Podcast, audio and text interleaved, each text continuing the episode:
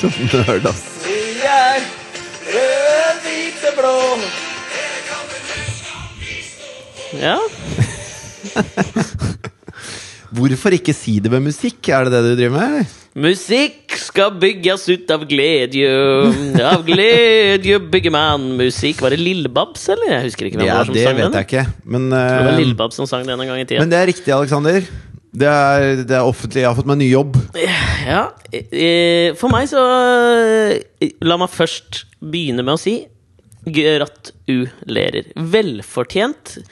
For du er blant de topp tre dyktigste personene jeg noensinne har jobbet med gjennom hele mitt yrkesaktive liv. Ok, Hvem er de to andre? Nei, det er et par sånne Det er, det er utrolig usjarmerende at det, det eneste er da sånn Hæ? Ja, er det ikke topp én? Nei, men altså, jeg sier, jeg sier jo ikke om det er om Det kan jo godt være at du er på førsteplass. Mm. Det sier jeg ikke. Men hvem er de to andre? Ja Har du jobba med Mari noen gang?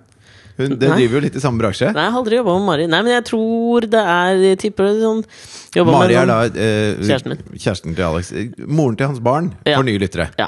Eh, nei, men altså Kanskje noen sånne redaktører i VG Eller noen sånne journalister i VG som jeg lærte mye av. Ja, Da var mine formative journalistiske år. ja, ja. De rager høyt. Men ikke sant, det er jo Altså Alt er jo relativt ut ifra den tiden du opplever det i. Ja. Så jeg vil jo si at etter at jeg er blitt eh, på en måte erfaren, og i, i, det, i yrket mitt, ja.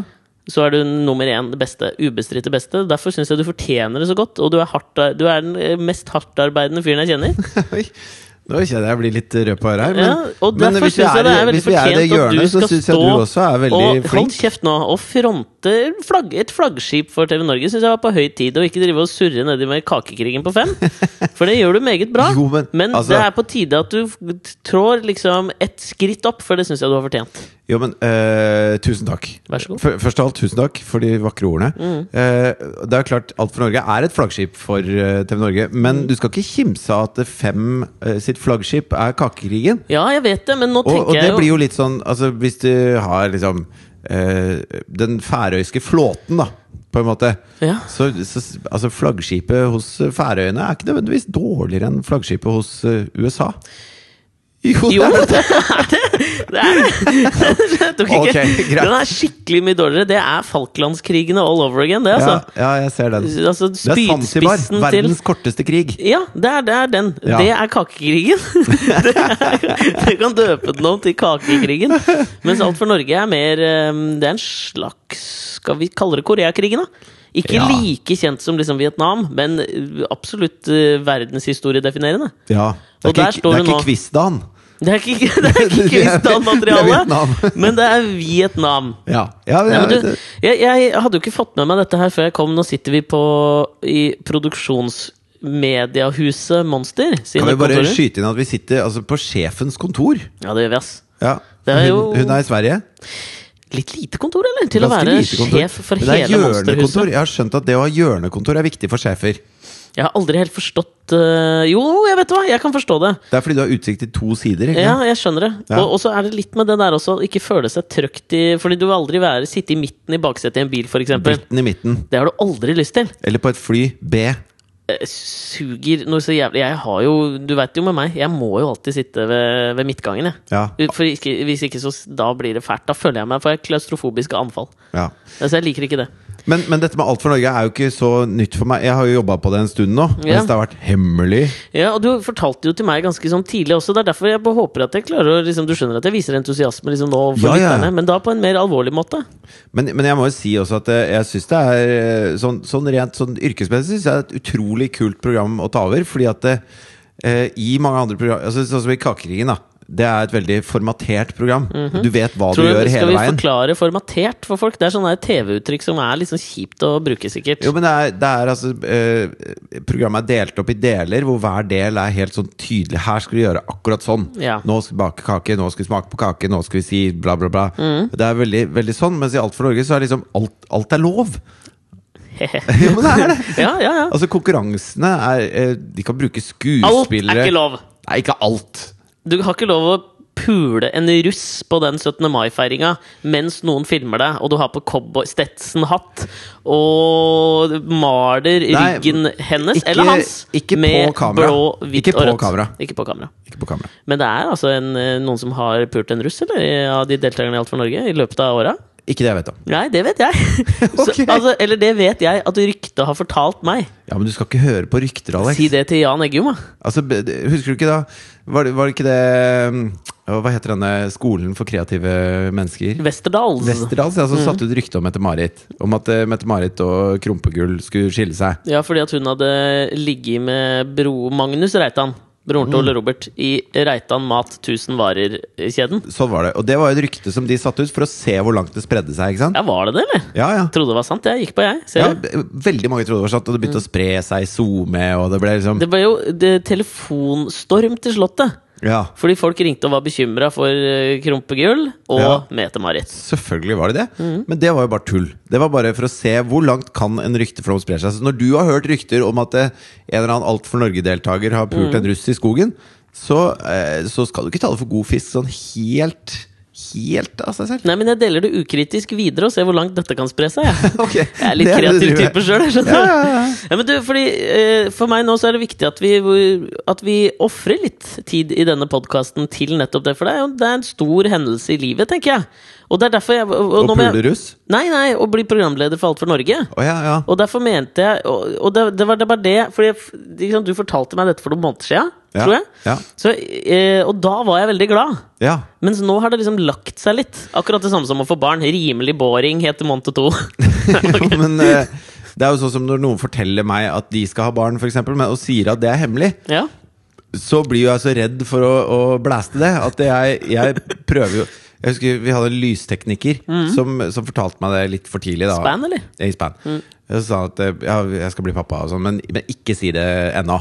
Mhm. Og da var jeg så oppsatt på å ikke si det, at når han da tre uker seinere fortalte det i plenum Ja. til alle sammen, så ble jeg like glad en gang til. For jeg hadde, Ja, jeg hadde fullstendig fortrengt det. Men føler du et litt sånn behov da, når du får vite sånne nyheter litt sånn i forkant? Ja, Og så liksom blaster noen det uh, i offentligheten, i plenum. ja.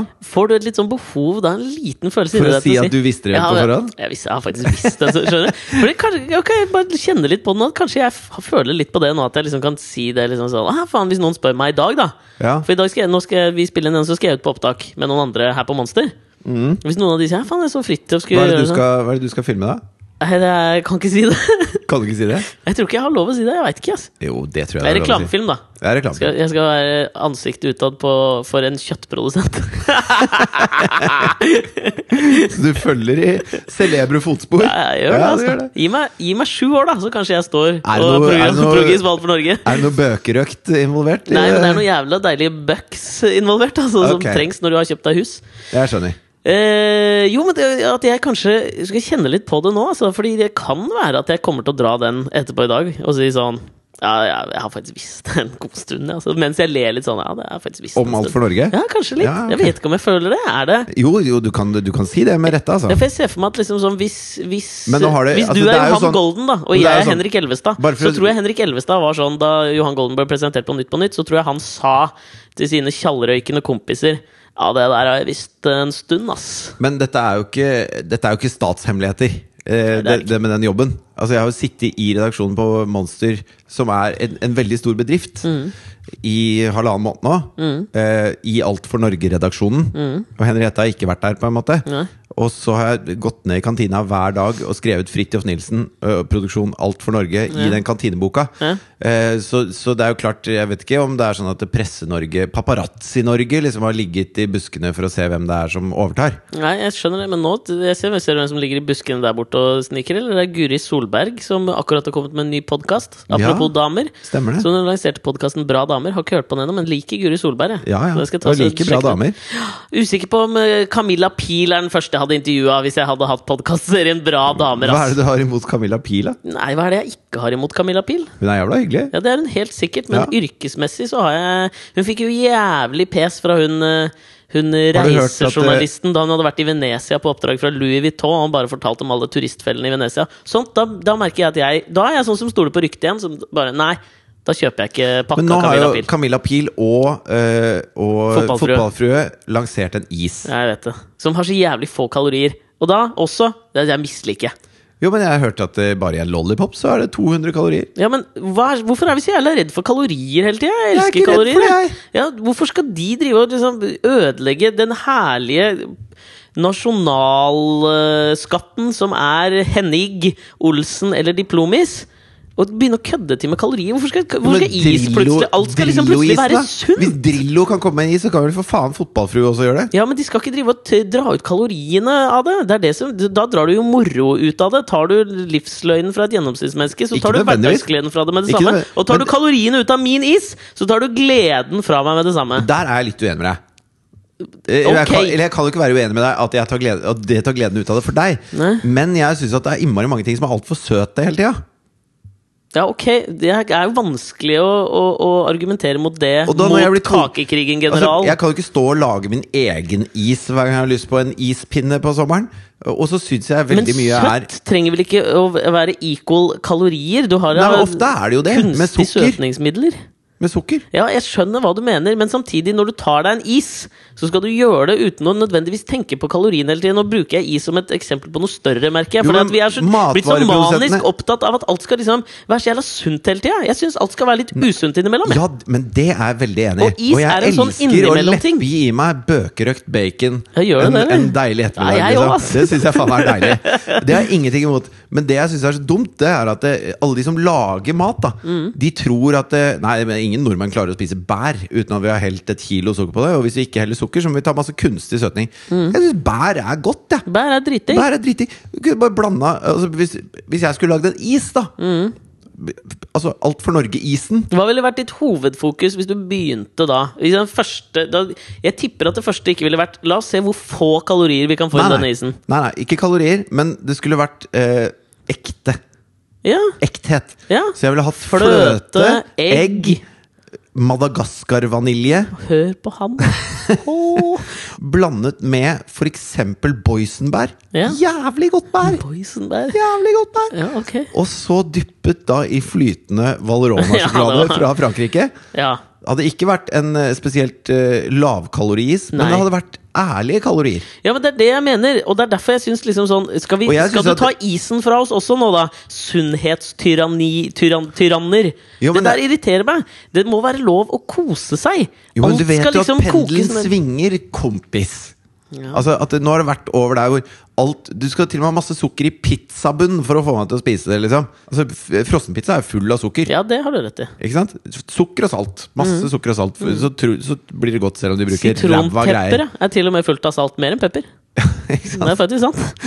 Og, så, og så svinger pendelen andre veien. Fotballfrue kommer med slankeis. Mm. Ikke sant? Men midt inni der et sted så fins det noen gode råvarer som er fulle av fett og digg eh, Ja, men greier. det er jeg ikke uenig i, men det jeg er uenig i, er det derre tyranniet nå om at liksom sånn selv på en måte varer som symboliserer at vi skal kose oss og ha det hyggelig og ikke tenke på det. Det jo ikke- det er det! Det er jo ikke, altså, det er jo ikke en diktator som står og sier at du må spise denne isen hver fredag og lørdag. Nei, men det er La en- være å kjøpe den, da! Ja, men det er en eller annen slags form for litt stygg pekefinger som rettes mot de som da kjøper en annen is. Nå blir isen et symbol på noe større, da. Ja. Ikke sant? Og det er det som irriterer meg.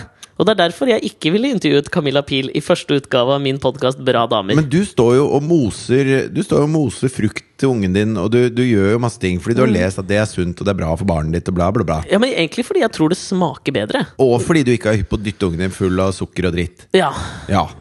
Så da er jo du også en altså Det kan jo hende Asta, når hun lærer seg å prate litt bedre, når hun klarer å si ordet sunnhetstyranni, kan si det med mye mer rette enn det du kan si det. Fordi du kan velge om du vil kjøpe den isen eller ikke. Ja. Asta får noe foran trynet sitt. Og så kan vi velge om vi vil være sulten eller spise det din sunn, sunnhetstyrannist setter foran henne. Nei, men Jeg har ikke noe fokus på at det skal være så jævla sunt, det ungen spiser hele tida. Jo, innenfor dine litt- parametere har du det. Du er ikke noe bedre enn fotballfrue. Du har dine parametere på hva som er riktig og gærent, og hva, hva du syns er bra og dårlig. Ja, men mitt, altså sånn, mitt, eh, mitt Du kan jo ikke kreve at alle skal ha samme holdninger som deg. Nei, det, og det er jeg helt enig i. Men mitt mantra må jo være også at man ikke liksom gir et skinn av at noe annet er galt. Og det er det jeg føler altså sånn, Nå blir Jo, men jeg gjør jo også det når jeg sier uh, Valerona-sjokolade og Madagaskar-vanilje. Så sier jeg at det, altså, Så vil jo mange da, som sitter med Freia vaniljesausen sin, si hva er det som er gærent med vanilinen? Ja, For vanilin er jo et, et biprodukt av cellulose. Jo, men altså, når, når man lager papir da Ja. på en papirfabrikk, så renner det en sånn tjukk Mølle, eller? Nei, eh, fabrikk, tror jeg. Ja, er det en mølle involvert? Nei, jeg veit ikke. Spør noen fra Moss. Ja. De lagde mye cellulose. det- det er sant. Det var derfor er det lukta så jævla Ja, dritt det er derfor det lukta så dritt. Ikke sant? Så når du da lager papir av treverk, Mm. så renner det en sånn tjærelignende substans ut som et biprodukt av det. Er det en slags kva? kva? En slags kva! og, så, og den smaker vaniljelignende, Ja. og er ikke farlig.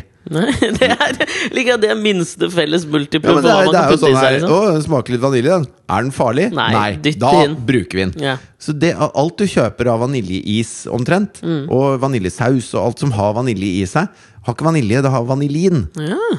Eh, og, og det smaker ikke like godt Nei. som vanilje. Nei. Så jeg er også en slags tyrannist da når jeg, når jeg sier Valerona-sjokolade, når jeg sier Madagaskar-vanilje, Mm. og, og frittgående egg, og glade kuer fra Røros som, Matslopp. med- Ja, da har jeg også mine, mine preferanser som jeg prøver å dytte på andre helt eh, Sånn som du sier er feil, da. Så er jeg en skurk? Er jeg fotballfruen, da? Nei, jeg Hæ? Hæ?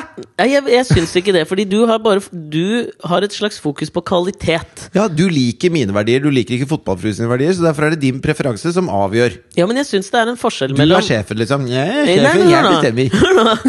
Jeg syns det er en forskjell på På en måte kvalitet og ekthet, liksom. I, hvis vi skal matsnobbe oss nå, da. Ok. Så det er en forskjell på kvalitet og ekthet og signalet det sender. Ja. Og signalet som sendes hvis man eh, har et sånn gjennomgående fokus på å minimere kaloriene. Fordi eh, ekthet betyr noe liksom går tilbake til råvaren, men å minimere kaloriene går tilbake til den personen som skal innta det, hvordan den skal føle seg. Og der syns jeg det er en liten distinksjon. Fordi i, i det, det derre tynnhet det er noe elitistisk over det der ekthetsgreiene. Absolutt. Det er fordi at det er jo automatisk liksom dyrere, da. Twitter, Det er er det. Dyrere med frittgående egg enn med Absolutt, vanlige egg. ja. Og økologisk frittgående er enda dyrere. ikke sant? Ja, ja. Sånn at det, Jo mer ekte du skal ha det, jo Tror, dyrere tror er du egentlig på liksom, økologisk eh, jordbruk? Tror du på det? Om jeg tror på Har det, det? no, har det noe for seg? Det klart det har noe for seg. Ja, er du sikker? Ja, ja. Alle, de, alle mine elitevenner Når du er i 50-årslaget til hva, het, hva heter hun i Kageforlaget igjen? Jeg har henne. Anne Gåthaug. Anne Gåthaug, ja. Da snakker du mye om økologisk jordbruk. Ja, det er bare økologi. Ja. ja men altså, skjønner du hva jeg mener? Jeg synes, det jeg mener er at liksom, Resultatet er noe annet. Og Det er derfor jeg irriterer meg over det der at uh, Det handler jo ikke bare om Camilla Pil. da Altså Nå ble hun uh, kanskje litt uh, urettmessig en slags sånn Hva heter de der damene som er siden vi var på båt-metaforen? De der som henger foran på båtene. gallionsfigur. En slags urettmessig gallionsfigur for tynnhetstyranniet, kan vi heller kalle det. Kate Winslet i eh, 58 minutter ute i Titanic-filmen. En isens Kate Winslet 58 minutter ute i Titanic-filmen Ja. ble hun. Ja. Og det var kanskje ikke med rette, for hun har da Jo, for faen, det var med rette og driver bare med smykkegreiene og alt det andre òg, for faen. Jo, men- Så det er bare det jeg mener, at det sender et annet signal til liksom sånn For eksempel unge gutter og jenter som skal kose seg med en is på 17. mai, og har bare lyst til å kose seg, og så kan du da velge mellom Å ja, kanskje jeg burde velge den med litt mindre kalorier. Og at kalorier skal ha noe Nei, å men Det er jo en vaniljeis med bjørnebær, er det ikke det? Jeg, jeg veit da faen hva det er. Jeg Jeg, er uttaler meg på jævla tynt grunnlag. Ja, men Bjørnebær høres jo kjempegodt ut. Det er, jo ikke så mye, det er ikke så mye is å velge mellom som har bjørnebær. Det er vel den der, hva heter den da? Den Pinnen Gullpinne? nei, gullpinne, den har nøtter. Eller Ja. har den sånn i seg? Nei, men det er en sånn sjørøveris, tror jeg. Kanskje sjørøver- sjørøverisen? Jeg lurer på om det var ikke. Det var en bitte liten digresjon fra det jeg ville tilbake til. Da. Så vi var Ja. jo på Alt for Norge. Prata Ja. litt om det. Fordi nå, da var jeg jo eh, Jeg hadde jo ikke helt fått med meg at VG hadde skrevet en sak Nei, de har det. eh, om deg. Og valgt et relativt sånn der iskaldt bilde av meg fra Gøy på landet. Ja, hvor er jeg, da? Nei, du, eh, står, du står står ved siden av meg. Du er bare litt kortere enn meg. Jeg skjønner det. Fordi at jeg, jeg syns kanskje at uh, Dette er jo da min gamle kollega Jørn Pettersen som har, uh, som har skrevet den saken. Jeg kjenner Ja. jo han som har skrevet den. Hes fyr. Eh, han er jævlig hes. Ja. Ja, han har en art, artig måte å prate på. Ja. For han skynder seg langsomt når han prater. Vet du vet sånne folk? Og så har han litt bestemt sier- seg for hva han skal skrive før han ringer deg. Ja, ja. Skal jeg være helt ærlig, så var kanskje ikke han en av de to jeg prata om i stad. Men han travla og jobber jævlig mye og jævlig lenge med liksom mediasaker i VG. For før i tida så hadde jo VG en egen sånn par sider på slutten av avisa som het TV og medier. Da var Jørn Pettersen dens gallionsfigur. Nettopp. Men jeg syns kanskje ikke du fikk liksom Han var deres. Saddam Hussein. Nei, det syns jeg var stygt, da. For det var jo hyggelig. Du skulle skrive, og, skrive om medier på en Ja, ja. fin måte. Okay. Ja, eller skulle man egentlig det? Hvem veit? Jeg tenker, jeg syns ikke du på en måte fikk eh, Fikk gjort nok her. Fikk sagt nok. Så jeg tenkte kanskje jeg skulle tatt det der kjappe timinuttersintervjuet med deg i veldig konsentrert format. da Ok. Minus kaloriene, liksom. Ja, for det, det er jo klart altså Henriette Brusgaard er også en stor del av det intervjuet. Og Ja, det, det skjønner jeg kjempegodt, for hun, Ja. har, hun har vært eh, Kate Winslet for dette programmet i seks sesonger. Ja. Så det er jo ikke rart det at hun da uh, stepper ned og, og begynner å jogge med strollervognen sin mens hun ammer. Ikke det at det skal være noe jævla mål å slanke seg så jævla fort etter man har blitt gravid, for jeg syns godt man kan ta det helt med ro. Ja. Spise den isen man vil etter man har født. Det har man faen meg fortjent. Men liker du bjørnebær, så kan du kjøpe fotballfrueisen. Nei, da kan du kjøpe bjørnebær! Og så Jo, kan du kjøpe du ha- ekte ja. Madagaskar-vanilje. Skal, skal man stå på 17. mai med en sånn derre treliter med Henning Olsen-is og bjørnebær, og så røre det sammen? ja! Altså, der har du min favoritt 17. mai-feiring. Men la oss si nå da at, vi, at jeg tar og ringer deg opp som VG-journalist. Nå skal jeg gå tilbake, ta en nostalgitripp og tenke hvordan jeg ville intervjua deg. Du har blitt veldig opphengt i dette rollespillgreiene. Nei, nei, vi skal ikke rollespille, men det er bare inni hodene våre så må vi jo gjøre det nå. Ok, Så for det, jeg må jo stille meg om nå. Og Ja, nå må jeg ikke være din podkastkollega, kumpan og svirebror.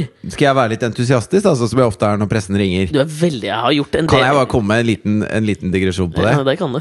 Fordi at eh, Når VG da gikk ut med den saken, Mm. så ser jo Da var det liksom Da har TV Norge sørga for at VG får det eksklusivt og sånn, Mm, ikke sant? Som egentlig betyr kanskje at dette er ikke en kjempestor nyhet et halvt år før programmet kommer. Så når de sier til VG at det er eksklusivt, Ja. så er det ikke fordi det er så jævla eksklusivt, men da får de VG til å skrive om det. Ja, ja. Ja. Hvis de bare hadde sendt ut en pressemelding, så er det ikke sikkert at alle hadde plukka det opp og smelt det på forsida. Litt som den telefonen jeg fikk eh, på formiddagen i dag, hvor den produsenten jeg nå jobber for, lurte på om de kunne gå til VG med saken om at vi hadde sprengt en campingvogn. Ja. Og jeg sa det må dere gjerne gjøre. Har egentlig ingen tro på at VG gidder å skrive om at en kjøttprodusent sprenger en campingvogn. Nei. Hvis de sitter der og bare Ok, i, uh, nå bomber russerne Raqqa, liksom. Og IS er på tilbaketrekning, og så kommer liksom Hva het, hva het han? Jørn Pettersen. Jørn Pettersen. Stopp pressen! Superhet! Og bare Hei, hei, hei! Nyhagen har sprengt en campingvogn i pølsereklame! Jeg tror ikke det, jeg heller. Men uansett. Ja, nei, men hva var du Jo, det var bare det at da, da sitter jo andre journalister og leser VG, ikke sant? Ja. Og så fikk jeg da en forespørsel. Min første intervjuforespørsel etter VG. Som Alt for Norge-programleder? Alt for Norge-programleder. Ja, den likte jeg. Ti minutter etter at saken kom ut, fikk jeg mail fra Norske Veier, Som er et magasin, da. som er et magasin. Jeg visste Så jeg har aldri sett det før. Ikke heller. Og da var det ti spørsmål. Så, hva er din favorittvei? Men du fikk spørsmålene på forhånd. Jeg fikk de på mail. Jeg tror det er på en måte bransjebladenes eh, svøpe. da Er at de, de får aldri ordentlige svar.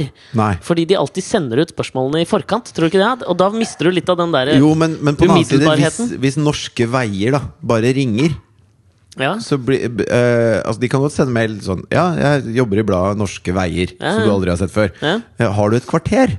Så er det sånn Nei, Nei, det har jeg jeg ikke. Jeg er ikke sikker på om jeg har det ikke til Norske Veier. Skal jeg hjem og lage is, skjønner du. Ja, jeg har akkurat kjøpt meg en treliter med Henning Olsen i, så jeg er redd for at den smelter. Ja, men det er jo også jævlig synd. Jeg satt og så på et sånt uh, intervju med Aziz Ansari. Som jeg prata mye Ja, om. jeg skal bare si ferdig at det- Ja, sorry.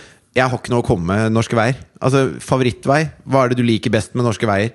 Eh, hva er, din, Å, det er det liker verst med Norske Veier? Kunne, kan ikke du si ja til den, så hjelper jeg deg etterpå? Så sitter okay. vi og skriver noe skikkelig juicy svar, så får vi folk okay. til å kjøpe Norske Veier. Alle, alle lyttere der ute, kjøp eller få, eller jeg vet ikke åssen det fungerer. Abonner!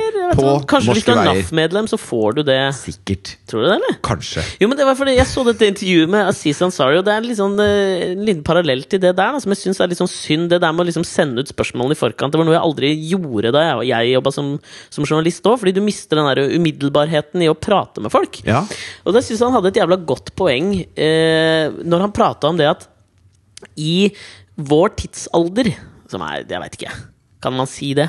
ja. Vi har jo beveget oss over i en ny tidsalder. Ja, men ikke sant, tidsalderen som dreier seg om liksom Twitter, Instagram, Facebook, mail Det er sånn jeg snakker med folk på daglig basis. I, I hvert fall i mitt yrkesliv, da. Ja, for Når du sier tidsalder, så tenker jeg geologiske tidsaldre. Altså Og du kritt. tenker ikke på pupper? ikke du, Don't bullshit man bullshitter. Ja, men i hvert fall, og det, Da er det liksom kritt, jura, eh, den paleontologiske tidsalder Jeg kan ikke alle de. Steinalderen. ja. Ja, eh, men, men i hvert fall, de varer 20-200 millioner år, da. Mm. Men nå sier jo geologene at man er inne i antroposen. Mm. Det høres veldig rart ut. Men, eh, og det er liksom den menneskelige tidsalder. Fordi at det, det har ikke skjedd så store forandringer på eh, jordens overflate siden forrige istid. da Som da man f.eks. ryddet skog på Romerike for å lage åkre og sånn. ja. Du, jeg begynte å lese den der Sapiens-boka til han som jeg ikke husker navnet på, som har veldig vanskelig, øh, vanskelig navn. Som har øh, tatt uh, verden med storm. Denne boka som dreier seg om hele menneskehetens historie. Ja. Anbefaler den. Har bare lest Det han øh, Dan Brown? Nei. Er det det vanskelige navnet? Nei, det er ikke det. Xianji Jabba Jeg husker ikke hva han heter. Jeg. Okay. Men uh, den fins på norsk nå også. Angrer litt. Jeg begynte på på engelsk. Litt vanskelig. Ja, det kan jeg forstå. Men eh, bare sånn eh, Jeg fikk meg en sånn aha-opplevelse der, skjønner du. Apropos liksom utviklingen av kloden. Ja, Vi starter liksom bare med sånn kort sånn punktgreie på hvordan oppsto universet, jorden, hva, hva skjedde, liksom? Alle, Ja. Veldig generelt, bare sånn at man skal ha et sånt overblikk før man begynner å lese om hvordan menneskene utvikla seg. ja. Jeg må innrømme at jeg alltid har trodd at jorda oppsto liksom samtidig med Big Bang. Det har jeg, det har jeg trodd. Nå, Å nei. Men veit du, vet du hvor mange milliarder år etter Big Bang jorda oppsto, eller? Eh, Ikke nøyaktig hvor mange milliarder, men det var bare, da ble bare masse, eh, Masse masse, energi ja. frigjort, ikke sant? Og den energien nå eh, Correct me if I'm wrong, for jeg, jeg, ikke, jeg er jo ikke noe jeg er ikke noen forsker, Nei. på en måte. Men også blir den slynget i alle mulige retninger. Mm. Og så er, har det noe med altså, eh, Masse skaper gravitasjon. Da. Eh, sånn at eh, etter hvert så begynte det da å Mm. Ja, ja. klumpe seg, Men det dette det- universet. Men altså, jeg har vært av den oppfatning at dette skjedde rimelig hurtig. Alltid. Så Ja. hele verdensbildet mitt, hele universbildet mitt, er jo gærent. For altså, dette var jo 13,5 milliard år siden Big Bang. Ja. 4,5 milliard år siden, da kom jorda! Jo, men, men trodde du at det bare så Og så bare hang jorda der? Ja. Ok. Jo, men, ja. men det må da være altså, Send oss noe tilbakemelding på Facebook nå. Hvis noen veldig- andre var av samme oppfatning som meg. For jeg tror det må være utbredt at man tror det. I hvert fall kommet- ikke at det var 10 milliarder år imellom hvor det bare ikke var noe jord. Ja, nei, jeg innrømmer at det føles lenge. Lenge! Ja, det, Vi har vært her i hvor mange tusen år? nei, det er ikke mange. Nei, vi har vært her i mer enn noen tusen år. Vi har Ja. vært her jævla lenge. Men, eh, men man sier jo at eh, Jeg tror det er 600 000 år siden det første mennesket ble oppdaget. Tror jeg. Ja, I homo-sjangeren av Homo dyr. erectus. Var Homo ikke- erectus var var den først. første Nei. Nei, dette Nei. burde jeg vite ettersom jeg har begynt å lese boka. Så det var litt flaut, men, Men de sier at det, hvis, hvis jordas levetid er på en måte fra fingertupp til fingertupp når du holder armene ut til begge sider, Mm. så har menneskene levd like lenge som neglene vokser på én dag. Ja, ikke sant? Og det setter jo litt i perspektiv, er, da. visste, du du at du er like høy som du er når du strekker ut arma side til side? Nei. Det er du. Det har med det gylne snittet å gjøre, kanskje? Så Aziz Ansari Det var der vi var. Det syns han Hvorfor kom jeg inn på det? Jo! Veimagasinet, som sender deg spørsmålene i forkant. Fordi det, dette her fikk meg til å, å tenke litt. Jeg syns han har jævla rett i en greie der. Det der i at Du, du kjenner deg sikkert igjen, sikkert mange som gjør det. At måten du kommuniserer med folk liksom sånn på daglig basis, er ofte gjennom liksom mail eller SMS eller whatever. Det er stadig mindre face to face-samtaler. Ja. Og han mener at det liksom gjør noe med måten du prater med folk. Da, fordi at på, Hvis du skal svare noen på Twitter eller på Instagram eller på mail eller på SMS, så har du tid til å liksom Formulere formulere svaret på en litt artig måte. Eller du vil, kan uttrykke deg nøyaktig sånn du liksom øh, har lyst til å framstå. Ja. Da mister man av, noe av den der umiddelbarheten som er menneskelig interaksjon. Da. Og jeg syns jo uh, at det er litt synd. Og det er, det, det er den, det er den liksom feilen bransjebladene i Norge gjør ved å sende ut spørsmålene i forkant, istedenfor å for eksempel invitere til en podkast, som jo må være gallionsfiguren for nettopp denne menneskelige interaksjonen, og å si det man tenker med en gang. Men kanskje, hvis man skal trekke en slags eh, geologisk og menneskelig eh, eh, para, en Ja. parallell da, Ja. her nå, mellom de to tingene vi snakket sammen om Ja. Så, Snakket sammen om! For et overflødig ord inni der! ok, det er greit. Nå mista jeg parallellen. Nå har jeg den igjen. Du, Ser du hvem som skal være gjest på neste Bra damer der? Ser du Guri Solberg? Det er faen meg Hanne Krogh, ass. Det er Hanne det Nei, nå blir ble jeg faen meg skuffa! Bra damer heter podkasten. Camilla Pil. Hanne Krogh. Fy faen! Elsker Guri Solberg. Hater Hanne Krogh. Ok, greit. Nok om ditt kvinnehat. Mm. Nei, gi deg nå, da! Vi kan godt snakke litt om 8. mars-toget jeg gikk i, hvor jeg ikke så deg seinere i denne podkasten. Jeg var opptatt. Men Ja, var eh, i, i, i jordas historie så har menneskene beveget seg fra et, et geosentrisk til et heliosentrisk verdensbilde. ikke sant? Ja. Altså at jorden er i sentrum, eh, fram til at solen er i sentrum for vår galakse. Mm.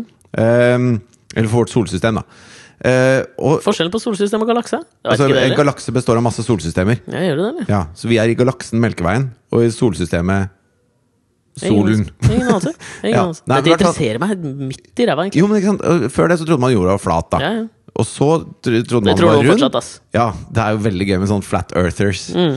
Jeg jeg så jo Thomas Seltzer hadde retvita en sånn flat earthers, så bare One day people will recognize that the earth is flat all around the globe. det er gøy. da er det, det er Ja, det fint. Men så tenker jeg at det, eh, før, da, når, man, når, man, når all dialog skjedde face to face, Mm. Så finner man ut av ting sammen. Altså Mm. Hvis du stiller meg et spørsmål, så svarer jeg på det med deg der. Ja. Og det, det er med på å forme det jeg svarer, da. ja. Fordi at jeg vet at du, kom, altså du har dine meninger og alt mulig sånn. Og man er veldig var på åssen man uttaler seg i forskjellige, i forskjellige fora, på en måte. Mm.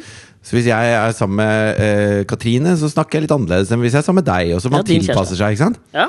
Eh, mens eh, når man får alt tilsendt, så eh, kommer man inn i det eh, egosentriske verdensbildet. da Ja. Fordi at det, all, dialog, all den indre dialogen skjer alene. Og det, kanskje det gjør at vi blir mer sneversynte, tenker jeg. Ja, ja, si At du, tygge, at du skal tygge tankene ferdig før du sprer dem. Mm, jeg tror ikke det er lurt å gjøre aleine heller. Og det er grunnen til at Louis C.K. ikke har lyst til å gi barna sine mobiltelefon.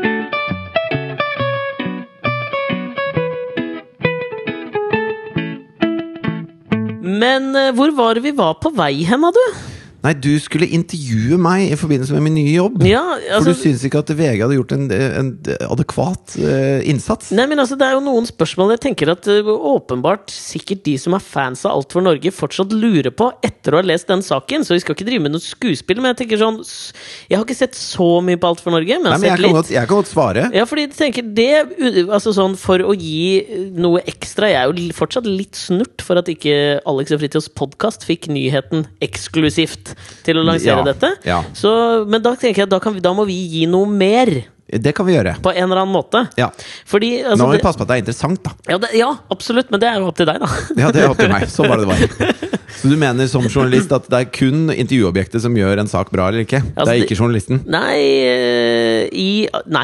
Det er intervjuobjektet. Vi, vi to har jo gjort mange intervjuer sammen opp gjennom åra. Ja. Og du har en entusiasme overfor intervjueren ja. som eh, få norske medieprofiler kan måle seg med, tror jeg. Du er veldig takknemlig for å bli intervjua, liksom. Ja, men jeg liker jo å prate, da. Ja, ja, og Jeg det det er er gøy veldig å bra. prate, Men ikke sant, for det du får snakke litt om her, er jo altså sånn Nå er det Fridtjof som gir alt for Norge. Nå, jeg har saken foran meg her. Ja.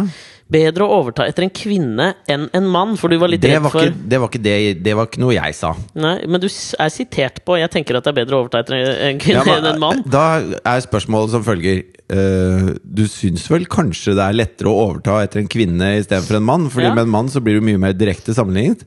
Og så tenker man sånn Ja, det, det stemmer nok. Ja. Det er eldgamle journalistiske triks at du sier svaret i spørsmålet, og vil noen sier ja, så kan du sitere det med sitatstrekk, for da er det ikke direkte sitat. Ikke sant? Ok, Men ikke sant, da tenker jeg at uh, kanskje vi skal snakke litt om det at det har gått så lenge. Ikke sant? Ja. Alt for Norge, hvor mange sesonger har det gått? Dette blir den syvende sesongen jeg nå tar over. Og seertallene har vært jævla bra. Sinnssykt bra. Sinnssykt Det var mest sette TV Norge-program i fjor, tror jeg. Ok, fortell meg litt om frykten du Ikke sant, nå legger jeg premisser for spørsmålet, Ja, og det er veldig smart. Ja, Er det smart? Ja, Ok. For da blir det interessant. Okay. Fortell meg litt om den frykten du har for at du tar over skuta og kjører den rett på et jævla isberg, liksom, og det blir 100 000 i seertall, eh, kanskje i gjennomsnitt i løpet av sesongen. Når jeg fikk jobben, så satte jeg meg ned og så alle sesongene. Så jeg har sett seks sesonger av Alt for Norge. Bare for å prøve å finne ut hva er det som er suksessfaktoren her. Og, Og så kom du fram til at det var Henriette Brusgaard! nei, men Det er jo helt soleklart. Det er amerikanerne. ja, ja. Og, og de, eh, de gir det både et humør og en innlevelse som, er, som du ikke får fra norske sånne type reality-deltakere. Oh, ja. Og så gir de også et en, Nå noterer jeg som journalist Ja. Fridtjof langer ut mot andre reality-programmer. Det gjør jeg med glede. Eh, men så er det også at de gir det en eh, de, de på en måte gir det en ekthet ved det programmet. Fordi at det premien her er jo å møte din norske slekt og finne dine røtter. Og for veldig mange nordmenn så er jo det dørgende kjedelig. Jeg- Mens for de amerikanerne så er det dritspennende. Der fins ikke noe viktigere enn å finne røttene. Og de gråter og de lengter og de har så behov for å finne røtter, for Amerika er et historieløst samfunn. Ja, det er, akkurat det siste jeg er enig i. I midten der sovna jeg litt. Ok Nå, jeg har sett på en del Alt for Norge, eh, og så har jeg kanskje sett på litt mindre. Og grunnen til at jeg har falt av litt på Alt for Norge, det er at jeg syns hvert år så er, eh, har de liksom arketypedeltakerne, og så bare putter de inn én i hver av dem. Så du har bimboen, du har den kjekke unge modellen, du har den gamle homsen, du har presten, du har hun gamle som alltid har vært opptatt. Hva, hva tenker du om det? At, liksom, hvordan skal man liksom gjøre om den derre castingen, som da er hvem som er med i programmet? For det kan jo bli litt kjedelig, spør du meg som TV-seer. Jeg tenker at det, Snarere enn man skal tenke de kategoriene, så må man plukke de tolv som eh, for det første har eh, mest lyst til å finne en genuin lyst til å finne røttene sine. Ja. Og for det andre eh, er eh, utadvendte mennesker, da. Mm. Og nå er det jo sånn at av de 300 millioner amerikanere som fins, så er jo 299 millioner av dem er relativt utadvendte. Ja, mennesker. Eh, så, men, men da er det ikke sant Du er hypp på folk som Sånn som vi har en deltaker da som etter audition så gikk han rett ut og kjøpte seg en spark på nettet. Bare fordi han ble så, han ble så jævlig inspirert av eh, å snakke mye om Norge og tenke på Norge og forberede seg og glede seg. og alt mulig sånn Ja. Så han kjøper en spark som han syns er et jævla torturinstrument, selvfølgelig. Fordi at det er jo ikke helt sånn sparkefør i Minnesota til enhver tid. Nei, nei, men du kan Men- få spark med hjul. Ja, det kan du, men det har ikke han. Nei. Eh, eller Verdens liksom største spark, vet du hvor det en står? homofil jusstudent som, som hører på P3 hver morgen, for han, har, han syns det er så gøy med det norske språket som han ikke skjønner et plukk av. Så han lærer norsk av Kristine Danke, liksom. Det syns jeg er ganske snodig. Da blir det mye serr, kan jeg se for meg. Men ikke sant, det fins masse folk, og, og jeg, når du blir litt mer kjent med dem, så føler ikke jeg at det er erketypene. Det er bare ditt overfladedykk som, eh, Ok. som, eh, som jeg tror gjør at du opplever det som erketyper. Det er greit. Arke. Erke. Arke. Jeg blir erkesint. Ok, siste spørsmål. Ja. Eh, som jeg lurer på. Ja. Hvis lytterne har noen spørsmål, oppfordrer du dem til å sende de inn til Alex og Fritjofs podkast på Facebook-sida, eller? Ja, det gjør jeg. Var det det siste spørsmålet ditt? Var det det siste spørsmålet ditt? Nei, det var ikke det. Nå kommer det siste. Ok. Du, eh, programlederrollen i Alt for Norge er jo litt sånn Du er bare en slags sånn fasilitator, ikke sant? Du er, du er, de, det er sånn at jeg tenker Hvis amerikanere skal slå opp i ordboka på en nordmann som skal møte dem, så skal det liksom være bilde av deg. Og du er- ser jævla norsk ut, syns jeg. Ja, jeg er blek nok. Ja, og lys i håret. For meg kanskje litt høy, hvis jeg skulle tenkt eh, nordmann. Det er typisk deg å tenke det, da. Ja, ja. Det er det. Men altså, eh, tenker du at Hva tenker du om at du må vike programtidplass for at amerikanerne skal få utfolde seg? At du må uttrykke deg kort, konsist, og ikke få utfolde deg i all den intellekt og aktualitet og kreativitet du kan by på? Jeg tenker at det er amerikanerne som driver dette programmet. Så at øh, jeg, jeg skal gjøre jobben min bra. Men det er én ting som jeg har merka veldig når jeg har sett på Alt for Norge. Det er at uh, Henriette har blitt veldig glad i disse amerikanerne, og vice versa. Det vil si at de har brukt masse tid sammen som vi ikke har sett, og vi får egentlig ikke se det båndet de har knytta. Og, og Lukter jeg, en nettserie her, eller? Ja, jeg har lyst til å bli litt, eh, komme litt tettere innpå de amerikanerne også, sånn at, sånn at uh, man får vist hvor, hvor trist det er når de må dra hjem, eller hvor, hvor glad man blir når noen får det til, og sånne ting. Det, det er et mål jeg har med denne sesongen her. Kommer du til å dryppe på klokkeren, les meg, når du reiser over til Los Angeles og har en eller annen sju-in på de raffeste klubbene, som er han unge modellen som du skal dra og besøke? Eh, nei. Har du lyst til å stille meg noen spørsmål vedrørende mitt uh, framtidige nye liv som tobarnsfar, eller? Og til de av dere som ikke har fulgt med hele tiden, nå slapp altså Alexander på en egentlig ganske døll måte nyheten om at han er gravid. jeg er gravid igjen, jeg. Ja, Skal ha barn igjen. Nå, Ja. ikke sant? Se, der kom ene, enebarnet fram. Nå var det nok om, nå kom deg! ja.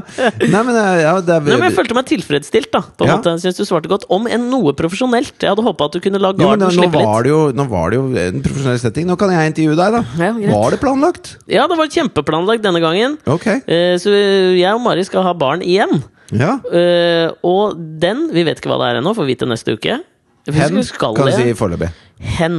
Fy faen. Her, nå må jeg ta Der må vi ta en stor digresjon. Okay. Fordi dette her har bugga meg denne uka. Jeg var jo på 8. mars-toget, selvfølgelig, Ja. og feira kvinnedagen. Ja. Om enn litt motvillig etter alt Var det litt sparsommelig besøkt dette 8. mars? Ja, og jeg skylder på Kari Jakkesson. Jeg, så jeg så henne midt eh, midt på plassen på Youngstorget der. Og jeg blir liksom sånn Jeg blir jo i utgangspunktet litt provosert og irritert bare av å se henne Var det hun med sauen og strap-on? Det var ikke hun. Nei, Nei. det var en annen. Nei, det var, det var en annen. Men hun Ja. sto under Ottar-teltet, hun òg, for Kari Jakkesson er jo talsperson for kvinnegruppa Ottar nå. Ja. Fikk med meg en kvinnegruppa Ottar-ballong hjem, for jeg gikk rundt og bar på Asta, min nåværende datter. Ikke Ja. at hun forsvinner. Eh, og hun ville gjerne ha en sånn ballong. Ja. Og det bød meg litt imot, men jeg måtte spørre da om å få en ballong, og det fikk jeg. Ja. Men eh, det er bare to ting. Jeg har lyst til å prate litt om det 8. mars-toget etterpå, men apropos hen.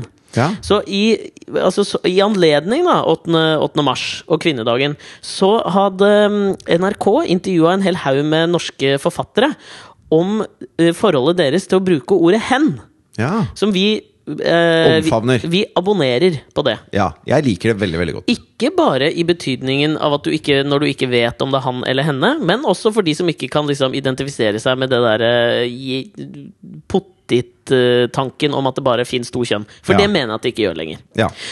Og da er det jo mange som er positive, og noen som er litt uh, mindre positive, og alt mulig sånn, men så er det en som faen meg merker seg ut for meg. Som jeg faen Nå Og jeg har lest mye av denne dama, Ja. og har egentlig likt henne. Okay. Om, om hun nå er noe esoterisk og kunstnerisk, men det er Hanne Ørstavik. Ok. Kjenner Du du, noe sette- til Nei, eh, ikke veldig. Nei, men altså, Hanne Ørstavik, det siste hun var Siste hun gjorde, da, mm. det var at hun skrev Altså, jeg har, jeg, har, bare, jeg har bare møtt henne sånn én gang. Ikke sånn hilst, men jeg har møtt henne på Aschehougs hagefest da hun fikk en eller annen pris der, tror jeg, for ti år siden eller noe sånt Nå. Ja. Eh, hun, Jeg kjenner ikke så godt den delen av forfattergjengen. Altså Jeg er med på Louis Masterson og den gjengen der, da. ja, jeg skjønner. Ja, men altså, Hanne Ørstavik har For at folk skal få bilde i hodet, så vi skal slippe å google, så er det hun som har litt sånn ridderhår, som er litt sånn farge som meg, da. Parseklipp? Sånn, ja, litt. Og så er det helt på en måte hvitt eller grått, da. Ja. Uh, og så snakker hun veldig sånn ømt, og skriver eh, poetiske jævla romaner, ass. Jeg veit da faen hva jeg skal si, men hun irriterer meg nå. Jeg har likt noe av det jeg leste henne før, men nå irriterer hun meg. For hun har Det siste hun gjorde, var eh, en sånn oppsetning i fjor, tror jeg, på eh, for Festspillene i Bergen, sammen med han Geir Gulliksen. Så hadde de skrevet tekstene til hun Juni Dar, som er hun skuespilleren. Og da hadde de selvfølgelig sittet oppe på loftet til Juni Dar, som skulle være et slags sånn kunstnerkollektiv. Allerede her er jeg provosert. Ja. Og skrevet noen jævla tekster om erotikk, da. Og det hun sier nå, mener jeg annullerer at hun noensinne skal få uttrykke seg om erotikk, sensualitet og kjønn noensinne. Hva er det For han, sagt? Ørstavik Nei, hun tror ikke Hun vil ikke bruke ordet 'hen', hun. Skal jeg sitere hva hun sier, eller? At du kan bli så sur Ja, dette- over at noen bare ikke har lyst til å bruke ordet 'hen'. Ja, men Det er begrunnelsen litt som irriterer meg. Ja. For jeg syns hun Hun setter bare sånn Hun setter to streker under et svar som ikke er et svar, og så annullerer hun alle mennesker som ikke kan identifisere seg innenfor de rammene hun oppfatter virkeligheten, eller den kjønnlige virkeligheten. Og det, sånt ble jeg provosert av. Ja. Det hun sier, er jo da Det fins ikke noe tredje kjønn. Så det at transpersoner og liksom andre kjønnsidentiteter finnes, det forholder hun seg tydeligvis ikke til. da Nei, for hun kjenner ikke det. hun mener at kjønn er han og hun. Punktum finale. Og det er så jævlig Jeg syns det er så jævlig det er så begrensende måte å tenke på virkeligheten på. Spesielt når du liksom er forfatter, samtidsforfatter, og skal liksom skrive noe om virkeligheten vi lever i i dag. Og så klarer du ikke å skjønne at liksom kjønn er faktisk et eller annet fenomen som kan utvikles, det også. Merker Men- men at jeg blir så ordentlig provosert. Men vi er nødt til å dele opp dette ordet 'hen' i to. Ja. Da ikke he og n, men, men to, for dette brukes på to forskjellige måter. Altså Hvis jeg skal si eh, vi trenger en ny medarbeider til 7-Eleven, Hen. hen. hen må være ansvarsfull. Ja. Så slipper jeg å skrive han eller hun må være ansvarsfull. Fordi veldig Ja. mange skriver da bare han, og da, da jobber man i et mannsdominert patriarkalsk samfunn, da. Ja, og så kan det virke noen ganger litt sånn påtatt hvis du skal skrive 'hun' hele tiden. Fordi det har blitt en veldig sånn etablert greie når man skriver 'skrive han'. Altså, det er så mye i språket som har kjønn i seg. Da. Ja. Uh, og da unngår man på en måte kjønn, sånn at man åpner for at eh, både kvinner og menn kan søke på denne jobben. Ja. Eller i andre sammenhenger hvor det da ville vært noe man skriver han eller hun. Ja. Altså Hvis jeg skriver manus for Alt for Norge, så jeg og så skal de male Fridtjof Nansen naken, og han eller hun som gjør det, må Ikke sant? Det er mye lettere å skrive bare hen. Men kommer du til å si 'hen' i Alt for Norge? Hvis det er hen som er det mest naturlige ordet å si, så kommer jeg til å gjøre det. Ja, bra. Jeg vil heller si det enn han eller hun. Ja, gjør det. Ja. Men eh, det er den ene varianten av hen. Den andre varianten av hen er jo når man eh, vet hvem man snakker om. Og så på basis av eh, hvilken, eh, hvilket kjønn den personen selv sier at den har, da. Mm. Så omtaler man dem da som han, hun eller hen. Ja. Hvor hen er en androgyn mellomting, på en måte. Eller en transseksuell som er begge deler, eller som Eller er bare den noen som ikke føler at de passer inn i ja, noe som ikke passer i de andre bolkene. Da. Uh, og jeg føler at det på en måte er to forskjellige debatter. Fordi at det er på en måte LGBT-samfunnet som må avgjøre hva de har lyst til å bli kalt. Så hvorvidt de har lyst til å bli kalt hen, eller hipp eller hopp eller hund eller Ja, det er ett fett for meg. Ja. Det kan de bestemme. Vi Bare gi Men- dem et pronomen. Ja. Nei, ikke gi dem. Nei, La altså, dem ta, la dem ta et et pronomen. pronomen, ja. Og, og jeg føler at det er bare det hun uttaler seg om. Jeg føler at det er ingen andre som snakker om denne utrolig praktiske, lille, kjekke eh, forenklingen av skriftspråket, som jeg er veldig glad i. Nei, og jeg, for å si det sånn, da. Jeg kan være helt enig i at Hanne Ørstavik, som uh, befatter seg så mye med det norske språk, kan være imot å skrive, skrive hen som en forenkling av han eller hun. Det kan hun godt få lov til. Ja. Så, så, nei, så kategorisk skal jeg ikke være. Nei. Men det er det der når det kommer til For meg så Nå kan det hende at jeg tråkker noen på tærne, men jeg har en eller annen opplevelse at liksom transsamfunnet og de som ikke kjenner seg igjen, kanskje har omfavnet hen som sitt eh, pronomen. Det er jeg ikke sikker på, men det, det tror jeg i hvert fall deler har gjort. Ja, La oss legge det til grunn, da. Så er det den, det er den delen av debatten som irriterer meg uh, med Hanne Ørstevik, at hun ikke ak- aksepterer.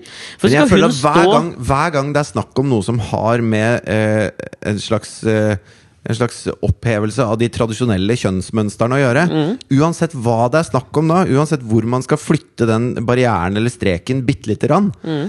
eh, så vil folk bare stritte imot. Det er så Jævlig mange mennesker bare stritter. kristent å gjøre! Ja, det er veldig, veldig pave, paveaktig å gjøre. Jeg merker at det irriterer meg, så syns jeg Jeg kan ikke skjønne liksom sånn at du som Jeg tenker jo at liksom sånn Hvis du er forfatter så eh, det som ligger litt til grunn, at du må være nysgjerrig på hva som skjer rundt deg i samfunnet. På en eller annen måte. Om det er Fortell det samfunnet til Knausgård, du.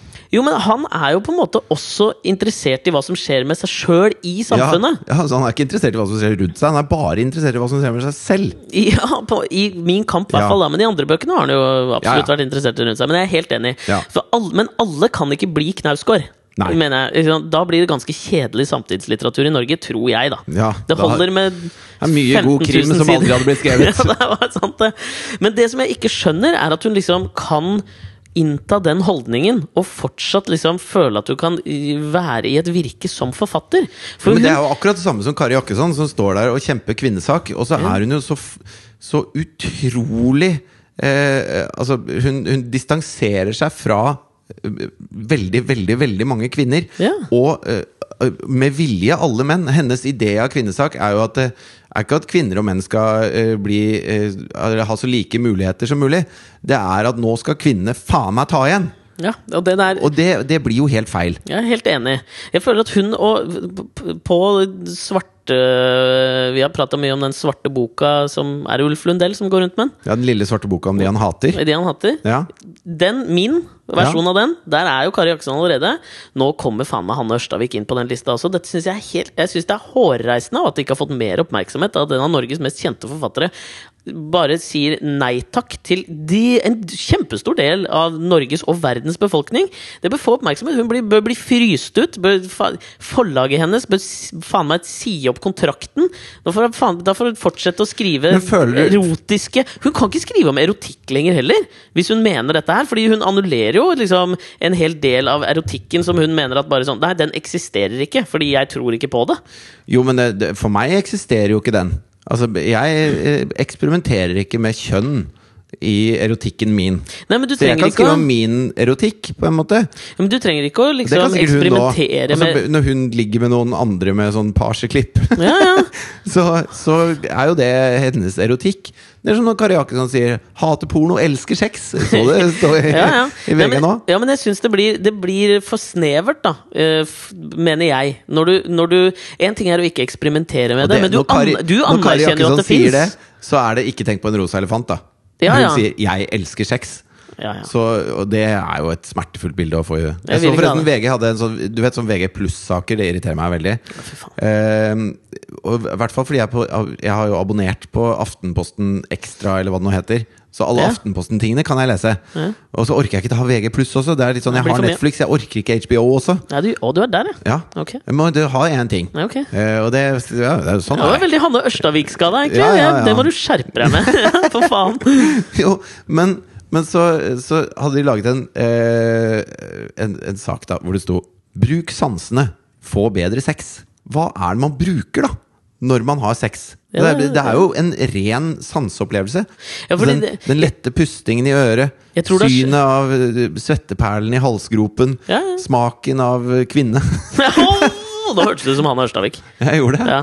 Eller mann. eller jeg tror det har skjedd en revolusjon Hvis vi, vi var inne på hvordan liksom verden og universet har utviklet seg også, så tror jeg liksom revolusjonen innenfor journalistyrket har vært når pluss- og ekstraabonnementene kom. Da tror jeg det skjedde en revolusjon på liksom desken, som er da hvem som bestemmer hvor de forskjellige sakene skal gå. Alt som har med sex å gjøre, blir plussak. Ja, alt som du kan liksom uh, Alt som du gir folk en eller annen sånn Hvor du kan skrive 'derfor kommer du til å dø i morgen'. Der, sånn får du bedre sex. Alle Ja. de sakene blir nå sjalta ut i de der plussgreiene som du vet at bare du kan kile folk litt på pungen, så Ja. har de lyst til å abonnere på det. Det er den store revolusjonen som jeg tror det skjedde i liksom det journalistiske verdensbildet.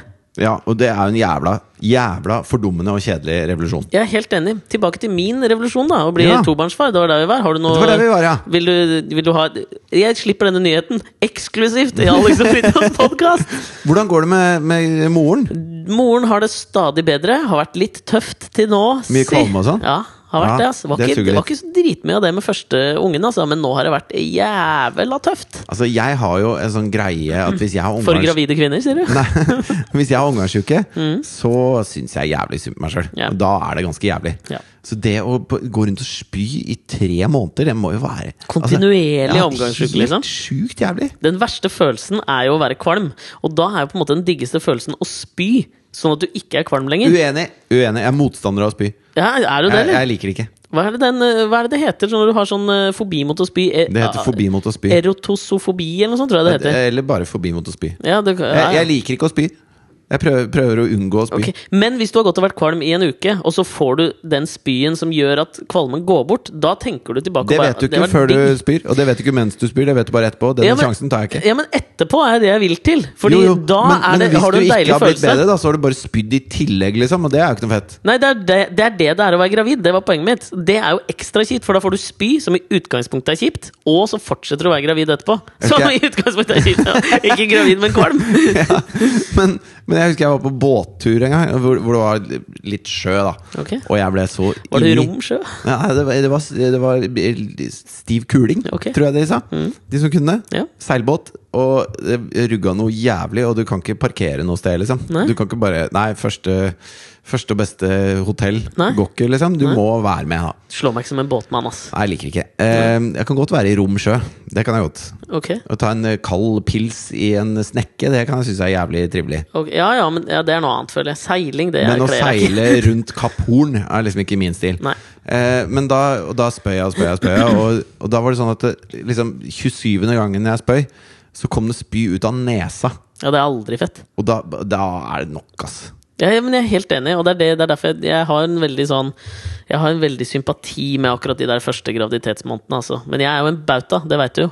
Men du, jeg var jo også da i dette 8. mars-toget. Ja. Nå føler jeg meg være ferdig med Nå Jeg så, bare, jeg så bare et bilde derfra hvor det sto liksom tre damer med en plakat, og så så det helt tomt ut på resten av torget. Ja, ja. Var det den, det inntrykket du hadde også? Og tror du Kari Jakkesen har skremt vekk folk? Og hva tror du det gjør med kvinnegruppa Ottar? Og hva gjør det med 8. mars-dagen som en folkefeiring som skal inneholde både kvinner, menn og barn? Første regel du lærer på Journalisthøgskolen, er still ett spørsmål gangen.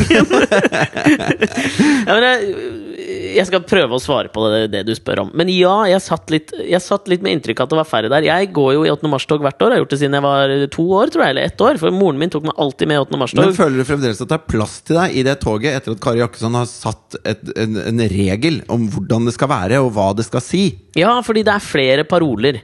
Og det er mange av parolene jeg kan liksom føle at de kan jeg gå under. Ja. Men, men hennes vil jeg ikke, på en Nei. måte. Men jeg føler at det er en Jeg føler at det er en grenseløs feminisme. Og den, det er den jeg abonnerer på. Ja. Så da velger jeg det. Ja. Men jeg må si meg enig at jeg synes det var ikke like mange der i år, som det i hvert fall ikke var i fjor og forfjor. Kan ha noe med å gjøre at det havna på en tirsdag, da, men hvem faen veit? Ja. Jeg tenker at det er fordi Kari Jaksson har skremt dem bort. Det er mitt verdensbilde. Ja, jeg, men jeg tenker jo sånn at hvis, hvis ikke Altså, Kvinnesaken er noe som fortsatt er verdt å kjempe for, mener jeg. da Ja, ja. Jeg mener Vi er ikke ferdig med det greiene der. Det er vi ikke. Uh, og eh, hvis det er sånn at, det, at det, når det kommer på en tirsdag, så blir det for stress. Det er ille, ass! At det, det må være på lørdag, så orker jeg ikke kjempe for kvinnesaken. Nei. Da, eh, med tanke på hvor kvinnesaken ligger i Norge, så er man ikke flinke nok til å kommunisere hva det dreier seg om. Nei, men det er, det er kanskje svøpen, liksom. Det er det som er problemet. Ja. Eh, Altså, For å liksom billedliggjøre det, så ligger det Kvinnesaken, nede- altså- kvinnesaken er så viktig som en lørdag, men ikke som en helt vanlig tirsdag i mars. Altså På Tahrir Square i Egypt for et par år siden, Mm. så var det ikke sånn Nei, nå er det mandag. Nå lar vi Mubarak sitte, liksom. Vi tar en liten chillepille. Ja, det, da, var det, da var det uansett vær. Eller som hun derre jævelen, jeg husker ikke hva han heter, så hun som skrev denne kronikken om Bård Tufte Johansens tweet på 8. mars. Hvor han hadde skrevet 'Dette er Ja. bitte litt dagen til dere shemales der ute også'. Hvor hun skrev en lang kronikk i Dagbladet om at 8. mars burde være fridag for komikere. Ja. Fordi hun mente at liksom sånn, eh, folk kom til å føle seg så jævla truffet, og han liksom tullet med noe som ikke burde tulles med. Og hun merka jeg også at havna i den der svarteboka mi. Ja, fordi det, det som er jævlig skummelt med det hun sier, det tror jeg er altså For meg så er det noe annet enn det du skal si nå, tror jeg. Ja, hva skulle du si? Nei, jeg mener at det, eh, For jeg vil jo egentlig at hver dag skal bli kvinnedag. Så hvis hun sier at kvinnedagen eh, må holdes hellig for komikk, Mm. at dette kan man ikke tulle med, så, så setter hun i en sånn stilling som gjør at det bare kan være én dag i året hvor vi kan tenke på kvinners rettigheter. Ja, ja. Mens hvis vi åpner for å tenke på det hver dag, Mm. så, så må vi også tillate komikk. Ja, men det er det jeg mener. Og så syns jeg liksom sånn Nummer én, det er dårlig skrevet, den jævla kronikken. Ja, jeg la den ut på da. Facebooken min, så du får gå inn og lese den. Ja. Det som irriterer meg, er at hun viser en sånn Altså en blendende mangel på forståelse for samfunnet rundt seg. På slutten så skriver hun sånn For Fatima, tidenes latterkrampe med mobilen i hånden mens hun tar en ørliten pause fra de fem kontantstøttebarna sine? Mest sannsynlig ikke. Så det hun tror, er at Fatima, som har fem kontantstøttebarn, når hun skal ta en liten pause, går hun inn på Twitter og leser eh, vitser fra Bård Tufte Johansen. Bare der har du? Da forstår du ikke verden rundt deg. Og da mener jeg at du diskvalifiseres Og så forstår hun ikke hva kvinnesaken handler om. Nei. Altså, er noe gærent Finner hun som har terminal kreft pga. forskningens nedprioritering av kvinnesykdommer det morsomt? Ligger hun med livmorhalskreft som har spredd seg til hele kroppen og humrer, kanskje gir den en retweet? Vet du hva? Ja, det tror og håper jeg at de gjør. Ja. Vi, og, og hvis de ikke gjør det, så er ikke det så farlig heller. Men det er jo den eldgamle som vi har snakket om mange ganger. Altså, når er det, for, er det lov å le? Ja, ja. Altså, er, det- er, det greit å, er det greit å le av ting? Og, og eh, vi snakket jo blant annet litt om det med, i forbindelse med moren din, som, som jo ble kreftsyk Mm. Ja, ja. og døde eh, for ett år siden i dag, faktisk. Ja. Eh, og, og det er jo ikke noe Altså det er ikke noe jeg har lyst til å tulle med. Men Nei. samtidig så er det eh, Altså Av og til så kan det latter og spøk og, og altså For spøk Det trenger ikke være slemt. Ja, og det trenger ikke å være ondskapsfullt. Det kan være en måte å få få den tingen til å bli mer levelig og spiselig på, da. Ja, det er det jeg tror også, at man liksom eh, diskvalifiserer latter som medisin og terapi. Og for min del, da Jeg sier ikke at dette altså sånn, Og man kan ikke sette et, et likhetstegn med at liksom noe som funka for meg, kan funke for alle. Men man kan ikke diskvalifisere noe som funker for én, til å ikke få lov å bli prøvd på andre. Som jeg føler at hun prøver å gjøre her. Fordi jeg, som for min del, så var jeg jævlig usikker på liksom, Kan jeg le av kreftvitser etter at moren min døde. Jo, Altså, men moren din var jo også et et menneske som hadde veldig godt humør Hun helt til slutten. hun lo av Ikke sant, Det er det jeg mener. Og hun sto midt oppi det. Ja, ja. Og, og eh, altså Sånn er det jo med altså, de, de homofile jeg kjenner, de kan jo de verste homsevitsene og syns det er kjempegøy. Ja. Altså, det, det har jo noe med også Konteksten har Context is king, som vi har sagt så mange ganger. men det, men det går også på eh, Og jeg, jeg mener jo da at de åpner døra for at da er, da er det noe man har lov til å gjøre. Men Man ufarliggjør det litt, og det tror jeg er viktig for å kunne liksom eh, få det framover, da.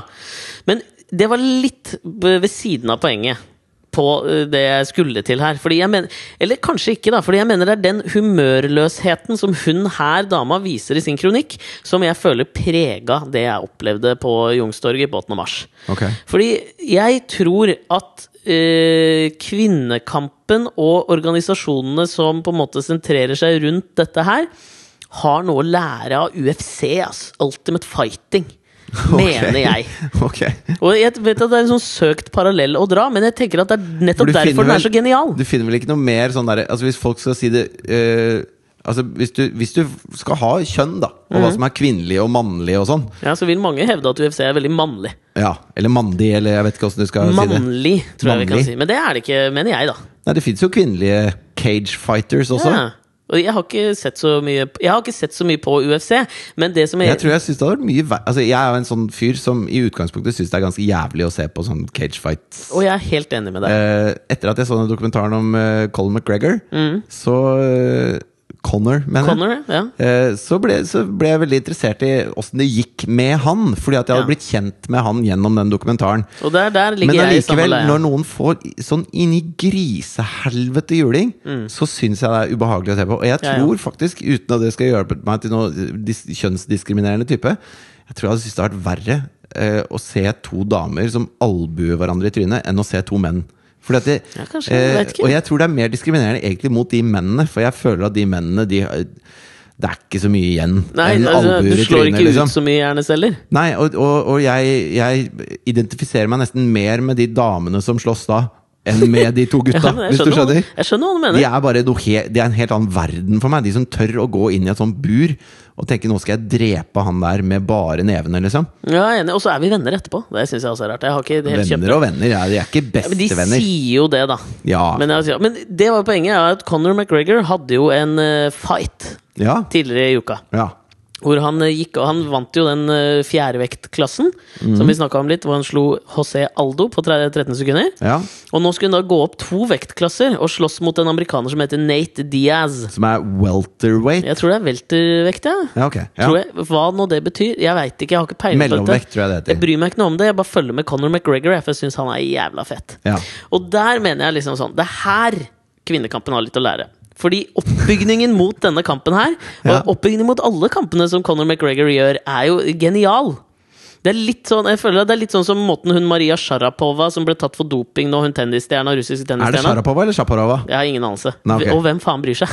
Men hun tok det jævlig Altså hun presenterte det jævlig fett. Ja, men det er det! Hun tok liksom bare kontroll over hele det narrativet. Ja. Og bare, ikke sant? Når du legger deg flat med en gang, ingen kan ha noe å si mer. Dritsmart gjort, selv om hun hun- suger jo balle! Ja, ja, men før hun For det var jo masse spekulasjoner i Skal hun legge opp? Alle trodde det var det hun skulle komme med. Ja, for hun sa hun skulle holde pressekonferanse, og så det kommer en stor nyhet. Ja, Og så hadde hun lest da at alle bare Nå, nå skal hun sikkert legge opp, og fader, nå skal hun legge opp, og det blir så trist og sånn.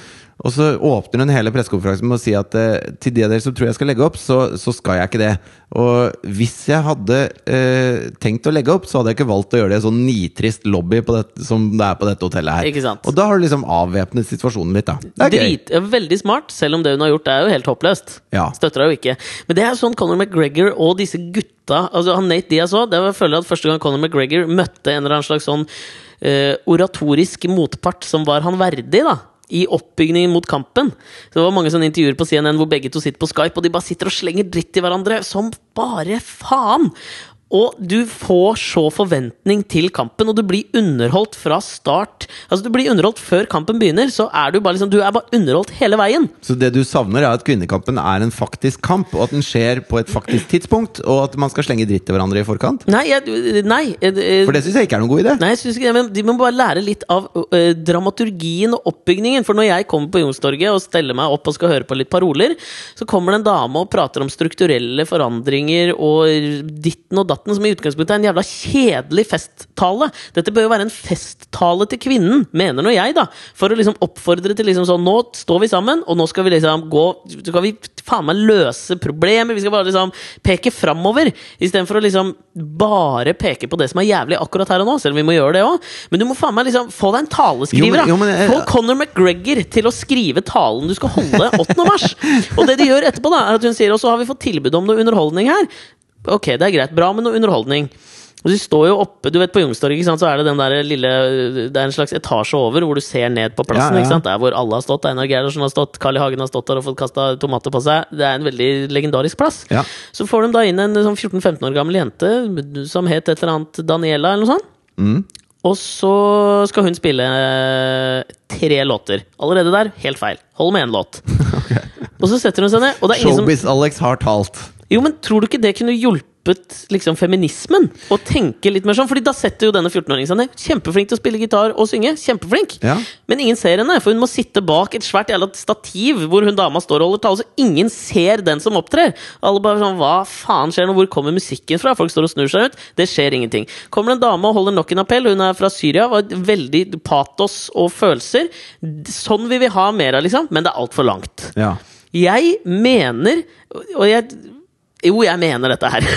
At vi må liksom For å tiltale flere mennesker, som jo må være målet, så må de klare å liksom bygge dette opp på en litt mer sånn tiltalende måte for meg som på en måte Jeg er jo tilskuer der, men jeg har lyst til å delta. Jeg har lyst til å liksom få gode følelser i kroppen. Du har lyst til å bli tent av dette her? Jeg har lyst til å bli tent som faen, Ja. men det blir jeg ikke. Jeg blir dratt ned i søla og drevet rundt av en eller annen kjip, kjedelig retorikk og dårlige opptredener. nå, nå skal jeg komme med en liten brannfakkel her. For Ja. at jeg mener at det, dette er litt sånn symptomatisk for eh, eh, en, en del ting. Mm.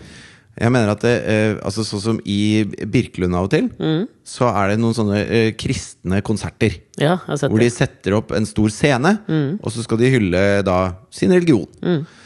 Og da er det så Det er så ungdomsskoleorganisert. Eh, organisert. Ja. Alt sammen, Selv om det er voksne mennesker som driver med det, Mm. så er det så Det blir så Det, det er bare så lite gjennomtenkt. Det er ikke noe trøkk, det er ikke noe omf i det, liksom. Det er, det er ikke noe penang. Nei!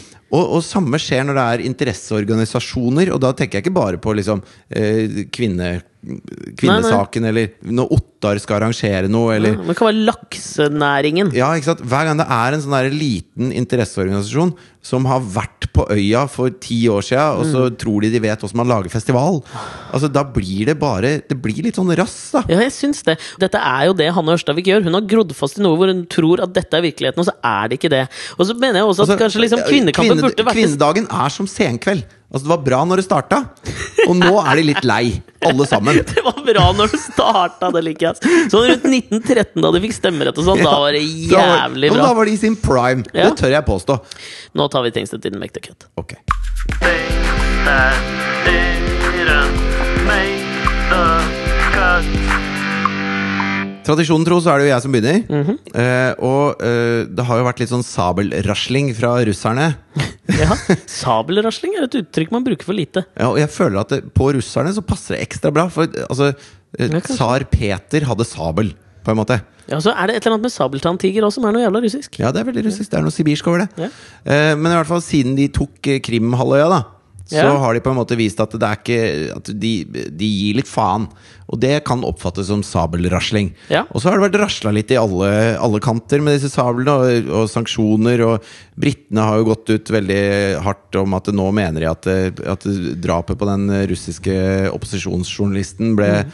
eh, sanksjonert fra høyeste hold, og sier implisitt at Putin står bak, osv. Nå er det en ny tidsjournalist som også ble angrepet i Russland, en norsk fyr. Ja. Så jævla forslått ut. Uff, stakkars jævel. Stakkars Ja, men jeg fikk litt vondt av nå. Ja. Men i hvert fall så uh, har jo forholdet blitt kaldere og kaldere, og vi husker alle den kalde krigen. Kanskje ikke selv, men vi har lest om den. Ja. Uh, og så sier da Medvedev, som er en slags tott til Putins knoll, Ja. uh, sier da at nå er vi inne i en ny kald krig. Ja. Og da sier Erna det er jeg uenig i. og jeg Så det var det, var det eneste. At det, hold, det holder ikke. Nei, jeg er helt enig, det holder ikke. Nei. Noe annet som ikke holder eh, Eller jo, det holder! Fordi jeg syns det er jævla morsomt. Eh, det var jo da eh, Jamie Gilt. Kjenner du til hun, eller den 31 år gamle våpenfanatikeren fra Jacksonville i Florida? Nei. Hun elsker våpen. Ja. Medlem av NRA. Ja. Vil at alle skal kunne gå med våpen, og har vært rimelig vokal i sin støtte til det. Ja. Nå For noen dager siden, på tirsdag, så Det hun også har skrytt av, Ja. det er jo at eh, sønnen hennes på to eller noe sånt nå, han kan håndtere et våpen. Han nada problemer. Vi må bare gi folk guns to the people. Det som skjedde da Jamie var ute og kjørte på tirsdag, var at sønnen klarte å få tak i et grovkalibret. Er det det det heter? ja kalibret, tror jeg. Ja, kalibret. Et Ikke grovkalibret. kalibret. Kalibret. Kalibret. Et grovkalibret våpen. Ja. Mens han satt i baksetet, og så skøyt han mora si! Og det Ja. syns jeg bare er en slags skjebnens ironi som jeg elsker. Og jeg, og du får forstå meg rett, jeg unner ingen å dø. Nei. Jau, ja. Nei. Jeg unner veldig få å dø, men uh, han klarte da å skyte henne gjennom da ryggen på, på bilen. Ja. Så hun må jo da Jeg, jeg håper at Jamie Gilt kan liksom kjenne på denne skjebnens ironi, og at hun kanskje kan ta til vettet. Det er festlig at hun heter Gilt til etternavn. Det er jo også litt artig, det. Ja. Jamie skyldfølelse. Det bør hun ha litt nå. Men det, er jo, det skjer jo hele tida, det der. Altså, det var jo da eh, Hva het det bandet som hadde Hotel California? Ja, The Eagles. Ja, Kona til en av de, The Eagles, skøyt jo seg selv i trynet her. Eh. Her nå, nydelig! Ny Freudian slip! Nei, men Hun skulle bare rydde litt i våpenskapet, og så datt en sånn eske med kuler ned på avtrekkeren på en rifle. Så hun Hva er sjansen, da?! hun skøyt jo huet av seg. Nei! Jo. Hva er sjansen, da? Nei, sjansen er jo mye større hvis du har et våpenskap. Helt riktig, og det var moralen i denne ukas podkast. Ja. Eller i hvert fall i denne ukens utgave av That Didn't Make. Ja, Så eh, ikke ha våpen da, folkens. Ikke gjør det. Nei. Men det dere kan gjøre, er å gå inn på iTunes, skrive en hyggelig anmeldelse og gi oss noen stjerner der. Jeg, nå er jeg inne hver dag Ja. og leser nye. Jeg syns Det det, er er dritkoselig. Det har kommet en del flere i det siste. Jeg liker det kjempegodt. Og så kanskje tips én kompis eller venninne om podkasten vår. Ja. Fordi det er, det er sånn eh, Skam, TV-serien Skam eh, lykkes. Det er at folk får et eh, Ingen reklame, bare folk får eh, nyss om det via, via, via. Og de er så smarte. Er det Jungeltelegrafen du snakker om? Jungeltelegrafen har jeg lyst til å applisere på Alex og Fritids podkast, og enda flere får nytte av denne heidundrende suratimen. Ok. og så gratulerer igjen da med ny jobb. Ja, Grattis med, med framtidig tobarnspappatilværelse. Tusen hjertelig takk. Vi snakkes om en uke. Det gjør vi. Ha det. Og det er boy